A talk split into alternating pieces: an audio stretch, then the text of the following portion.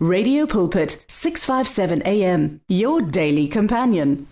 Sanibonani sanibonani egameni lenkosi ethu Jesu Kristu wase Nazaretha engumfundisi umoyo lo we Christ Family Assembly lapha ya eArcadia eh 515 Johannes Ramkwase Street egameni lenkosi ethu Jesu Kristu. Singena ke thina ngo9 ekseni until ngo12 emini. uNkulunkulu wenza imangaliso kuleya ndawo egameni lika Jesu Kristu. Na ungayifikela nje eh uzovakasha uzothandazelwa. Egameni lenkosi ethu Jesu Kristu sibingelele kubo bonke abalalele emakhaya sibingelele kubo gogo sibingelele kubo mkhulu omama nobaba insizwa nezintombi siyabingelela nakotakalani Nkosi yami Sunday School egameni lika Jesu Kristu waseNazaretha. Sibingelele kuyinceku zikaNkuluNkulu abafundisi abagcotshwa onyawonhle abaphathi beimfihlakalo egameni lenkosi ethu Jesu Kristu waseNazaretha. Siyabonga kakhulu sibingelela umzimba kaKristu sibingelela nawe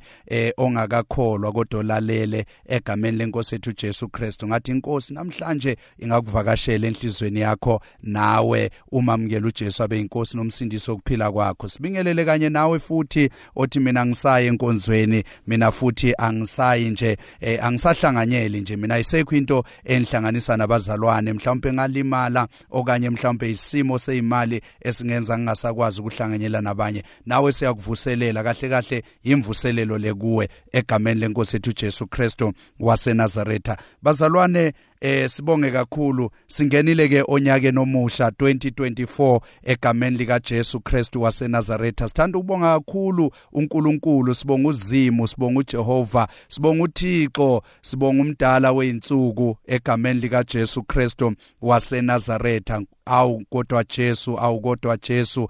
Ukuphila kubalulekile nje ukudlula konke. Uyabona nje uNkulunkulu uma engakuvulela nje ikhethenisi likamoya ubone ukuthi kahle kahle ku2023 kahle kahle ngabe wena kwaphela ngawe ngabe wena uSathani waqeda ngawe ngendlela okusetshenzwe ngakhona igama lakho nesibongo sakho nempilo yakho. Abanye emsebenzini ngabe kade waxoshwa wena kodwa isandla sikaNkulunkulu uJehova waloke esiphakamise njalo. Njengoba eshilo ezwini lakhe uthi noze niguge nibe zimpunga. Mina ngiseloke nginguJehova nginguNkulunkulu. Siyabonga kakhulu ke sibonga uNkulunkulu umusa wakhe omangalisayo bazalwane egameni lika Jesu abanye bangena kuma accident 2023 kodwa nawe namhlanje usamangela ukuthi ngiphume kanjani ngisinde kanjani. Eh usamangele nawe ukuthi kahle kahle uphunyuke kanjani. Uthi ohlabelelayo ngelinye ilanga uthi nama ngazi ngiphunyuke kanjani? Namanje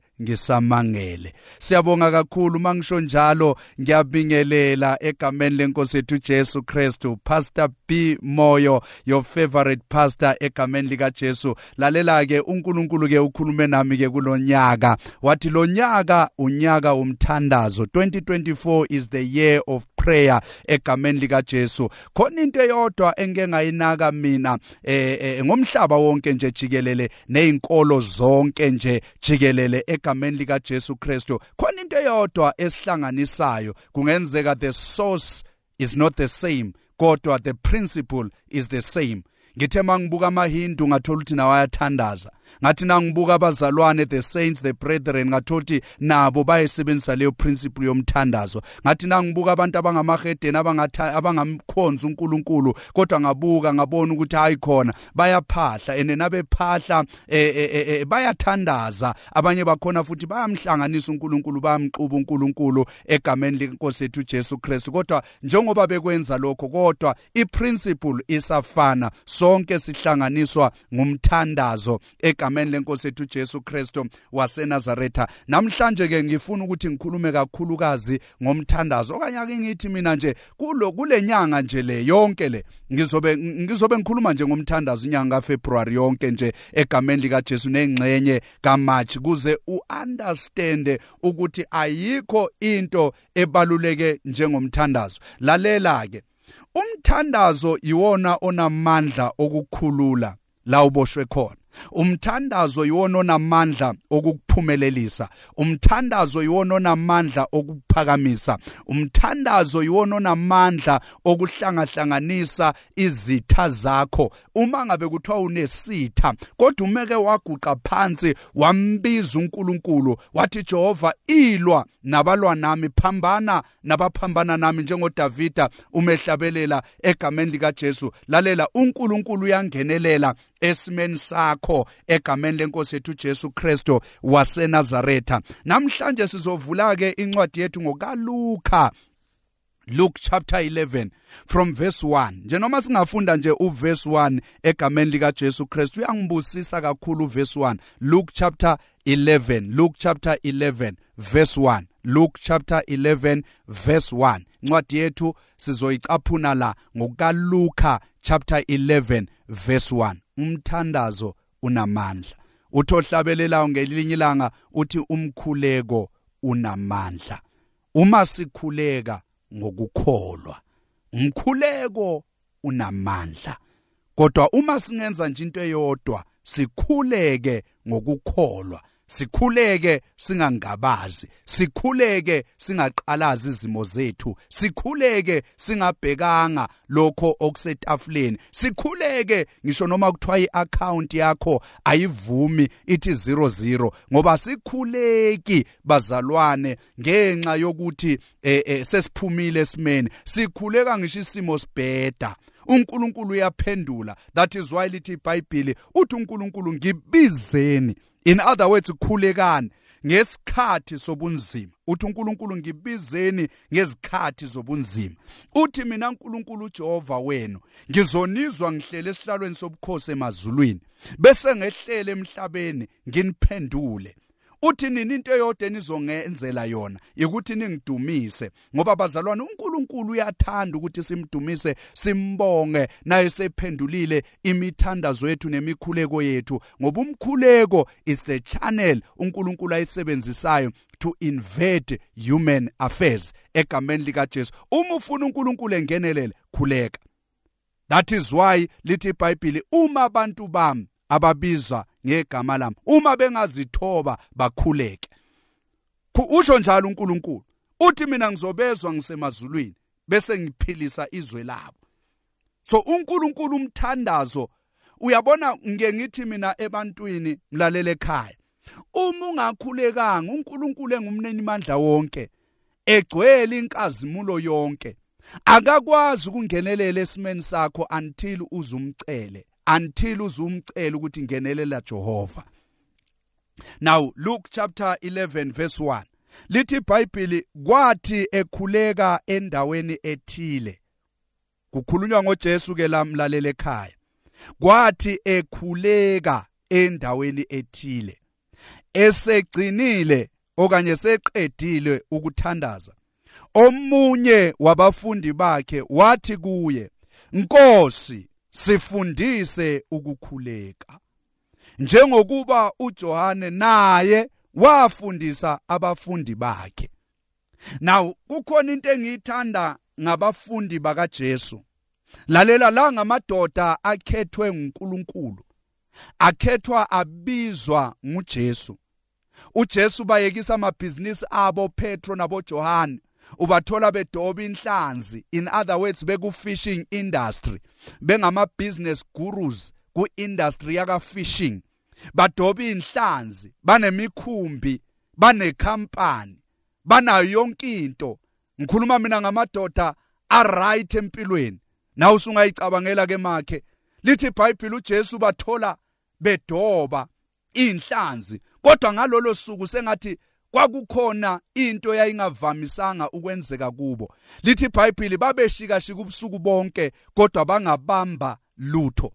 Now uJesu uyababiza ke ubabizela ensindisweni ubabizela entsimini ukuthi manje madoda nizohamba nami. Kusukela namhlanje anisezi kuba ngabadobi benhlanzi senizoba ngabadobi babantu. In other words senizodonsa abantu embusweni obumnyama nibakhiphe nibafake embusweni okukhanya kodwa before nikwenza lokho before sifike encwadini yezenzo nizohamba nami nibone ukuthi ngenza kanjani nibone ukuthi ngithandaza kanjani nibone ukuthi ngikhuza kanjani amadimoni nibone ukuthi ngihlela kanjani intshumayelo zami.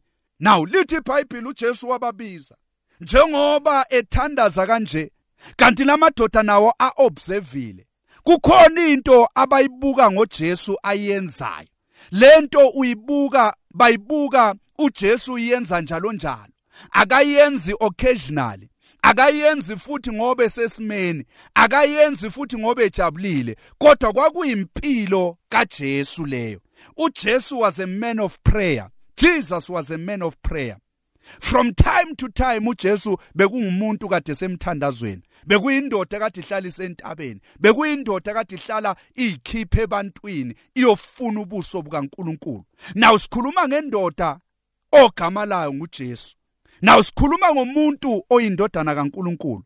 Uzokhumbula ukuthi ukuzalwa kaJesu akuzalwa akazalwanga ngenyama negazi. Uzalwe ngokamoya. Elithi iBhayibheli ingilosi uGabriel yathunyelwa kwesifazana uMaria ukuthi iyo iyofikisa umlayezo. Iyotshela uMaria ukuthi Maria wena ubusisekile kubantu besifazana uzokhulela uzoba nendodana. Igama lakhe kuzokuthiwa nguJesu. And lo akazi ukuba ngwenyama negazi kodwa uzozalwa ngesimoya. Ngamanye amazwi umoya oyingcwele uzofukamela impilo yakho. Umoya oyingcwele nguyena. Ozofukamela impilo yakho. Nguyena ozofukamela isibeletho sakho. Nguyena ozokwembatha. Kuze lokho ozokuzala kube ngokamoya noma kuzovundla esiswini sakho. Na uJesu uzalwa kanje? Uzalwa enguNkulunkulu kodwa engumuntu. Na usikhuluma ngomuntu onamandla apure? Amandla avela kuNkulunkulu. Impilo kaNkulunkulu ihlaliswe esibelethweni sowesifazana leyo mpilo yavundla for 9 months until kufika isikhathi sokuthi uJesu azalwe. Naye uMaria uya kuma labor pains njengawo wonke umuntu wesifazana okhulelwe. 9 months naye uJesu wayihlala esesibelethweni. Kodwa into eyayihlukile ke ngoJesu ukuthi uJesu yena wayezelwe ngesinkulunkulu wayezelwe ngokukamoya wayengafani nabanye abantu. Noma indlela yokuzalwa yayifana nabanye abantu kodwa yena isiqu sakhe imbewu enguJesu yayinguNkulunkulu. Now lithi iBhayibheli ke umuntu onjalo ke kodwa sasikhona isidingo sokuthi athandaze. Lithi iBhayibheli abafundi bakhe they observed his life. Babuka impilo yakhe ukuthi uJesu uphila kanjani. Babona ukuthi no le ndoda amandla ayo asemthandazweni. uJesu njalo ubethi na eqhamuka ebuye entabeni esehle entabeni. Hayi lalela mntana sekhaya uma ngabe kade kukhona isishosha besiphakama uma ngabe kade kukhona impumputhi bivuleka amehlo uma ngabe kade kukhona isithulu besivuleka indlebe uma ngabe kade kukhona ofile ebevuka uma ngabe bekukhona umoya ovunguza ngamandla ubekwazi ukuthulisa kuze kumangale kwabona abafundi bakhe. Bathi kanti uhloboni lomuntu olukwazi ukukhuluma ngisho nesimo. Hayi man lithi iBhayibheli lamadoda eza kuJesu athi Jesu kukhona into eyodwa esicela ukuthi usenzele yona. Sicela usifundise ukuthandaza. Hayi man sengathi emabandleni kulezi insuku zokugcina uJesu esezobuya ngoba uyabuya maduze. Lungisa indlela zakho uJesu usendleleni. Now sengathi kukhona into eyodwa ababeyifuna kuJesu ukufunda.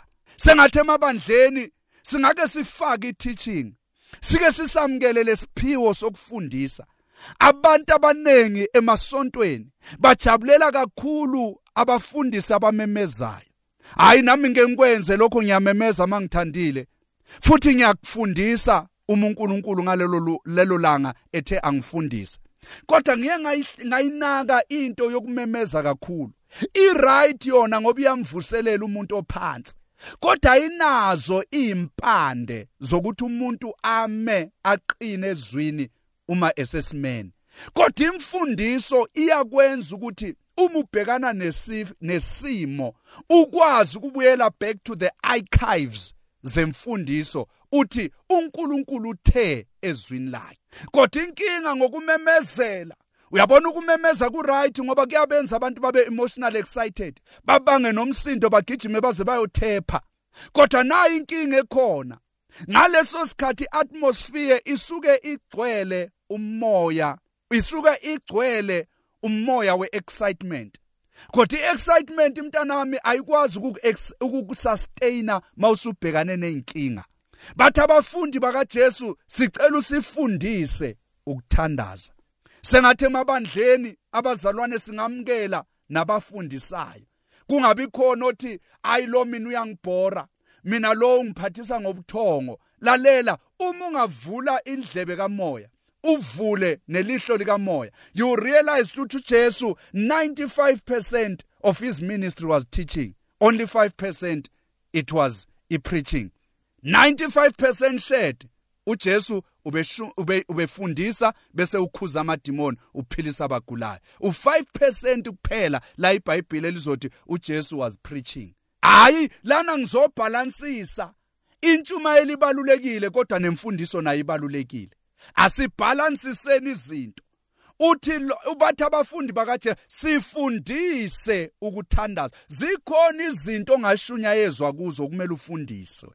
In other words um, umkhuleko uyawufundiswa ukuthi kuthandazwa kanjani kuze ufumane ama results abantu abaningi namhlanje ba discouraged bayasho mfundisi moyo ngiyathandaza mina kodwa kwenzeki lutho. Ngiyatha baze bagxeke nesonto abakhonza kulo. Baze bagxeke noNkulunkulu. Abanye baze bakwatele ngisho uNkulunkulu bathi angisaye esontweni ngoba isimo sinje. Kodwa umbuzo wodwa ukuthi mawungaya esontweni kuyoshintshana ngoba isimo sakho angeke sishintshwe ukuthi wena sewuduba uNkulunkulu. Hayi ngivumeleni mani ngikhuluma iqiniso ngoba sizokwakha. Uma sifundisa sisenkwalini okungafuneki siyakhipha okufunekayo siyakuhlalisa. Naw abafundi bakaJesu babe consent ngokufunda more than ukusebenza. Uma ngithi ukusebenza mhlawumbe bengathi mina babe consent ngokuthi Jesu sifundise kuze masiphumele emasimini mase siyolanda imphefumulo sikwazi nathi ukuthi siproduce lolu hlobo yilo. Imfundiso ibaluleke kakhulu. Imfundiso yona ehlalisa ibandla naseyikhathini zobunzima yona ekwenza ukuthi uhlale. Nawu lithi iBhayibheli uma umoya wombusi ukuvukela ungayishinda yakho.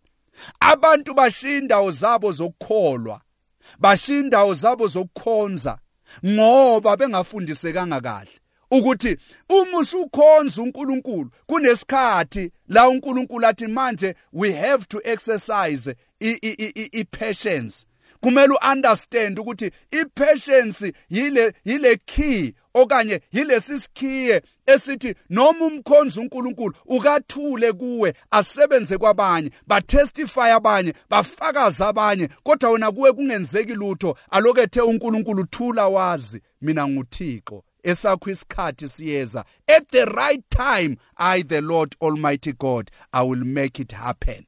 Kodwa uma ungafundisekanga ungacabanga ukuthi uNkulunkulu slow ungacabanga ukuthi uNkulunkulu akekho ungacabanga ukuthi uNkulunkulu akakuzwa kanti uNkulunkulu uyakuzwa. Kodwa uma ufundisiwe ukuthi kuthandazwa kanjani uzokwazi ukuthi uthi mawuthandaza ukwazi ukuthi kunesikhathi sokulinda impendulo. Umthandazo it's a two way communication. Akusikuba ngumsindo kuphela umemeza babe egameni lika Jesu uNkulunkulu ophila. Hayibo uma usuqedile ukukwenza ke lokho mzalwane kunesikhathi la umele ube quiet ulinde. uNkulunkulu akuphendule. Sometimes uNkulunkulu uyaphendula same time. Sometimes uNkulunkulu kuthatha amaviki. Sometimes kuthatha izinyanga. Sometimes kuthatha unyaka wonke. Sometimes kuhamba iminyaka njengo Abraham kodwa isithembiso ulokungakasifumani. Kodwa kubiza abantu abafundisekile. Namhlanje ngizokhuluma ngomoya wokufundiseka. Now nawufundiswa ke emzalwane ubo understand ukuthi umuntu ofundiswayo kunezinto azitshelwayo ukuthi aziyeke kunezinto azitshelwayo ukuthi azithathe. Abantu abaningi abafuni ukuyeka izinto uNkulunkulu athi abaziyeke. Abafuni futhi ukuthatha lezi zinto uNkulunkulu athi abazithathe. Hayi angazi noma uNkulunkulu wami abantu bayangizwa yini. Uma sifundisa bathi sifundisa in other words sihlalise phansi. Ibandla liyadinga ukuhlaliswa phansi kulesi sikhathi esiphila kuso ukuthi lifundiseke kahle lifundiswe nangomthandazo ukuthi uyini umthandazo. Bathi lamadoda sifundise ukuthandaza. Abathi kuJesu sifundise ukukhipha amadimoni. Abathi kuJesu sifundise ukuthandazela abantu bathola imisebenzi. Abathi kuJesu sifundise ukuthi sithandazele abantu baba approve labe applyele khona. Abathi kuJesu sifundise ukuthi sithandaze kanja hayi bathi sifundise ukuthandaza. In other words uma sithandaze kahle lezi zinto ezinye sizidingayo ohambeni lwethu lweministry sizobe sesinazo. Sifundise ukuthandaza. Unyaka umthandazo ke lo 2024 uNkulunkulu anibusise emakhaya. Ungawuvila phela umthandazo. Ngiyazi awukho mnandi akho mnandi ukuthandaza. No akho mnandi ukuthandaza. Ake ngilikhuluma iqiniso njengomfundi ukuthandaza akho lula futhi akho mnandi. Kodwa kumele ukwenze ukuthandaza it's a necessity it's a lifestyle. God bless you. uNkulunkulu anibusise. Phinde sihlangane futhi kulo lolu hlelo olunamandla kangaka. Radio pulpit 657 am ngo9 ntambama njalo. Eh ngomgqibelo ngiyatholakala ke umfundisi umoyo ngiyaqhubeka ke ngokufundisa ngomthandazo. God bless you. uNkulunkulu anibusise. Usavuka nawe ekseni uthandaze emini uthandaze ntambama uthandaze driver uthandaze. Ngaso sonke isikhathi thandaza. God bless you. The words of the lord are words of life. Your heart is on 657 AM. 657 AM. Radio for believers in action.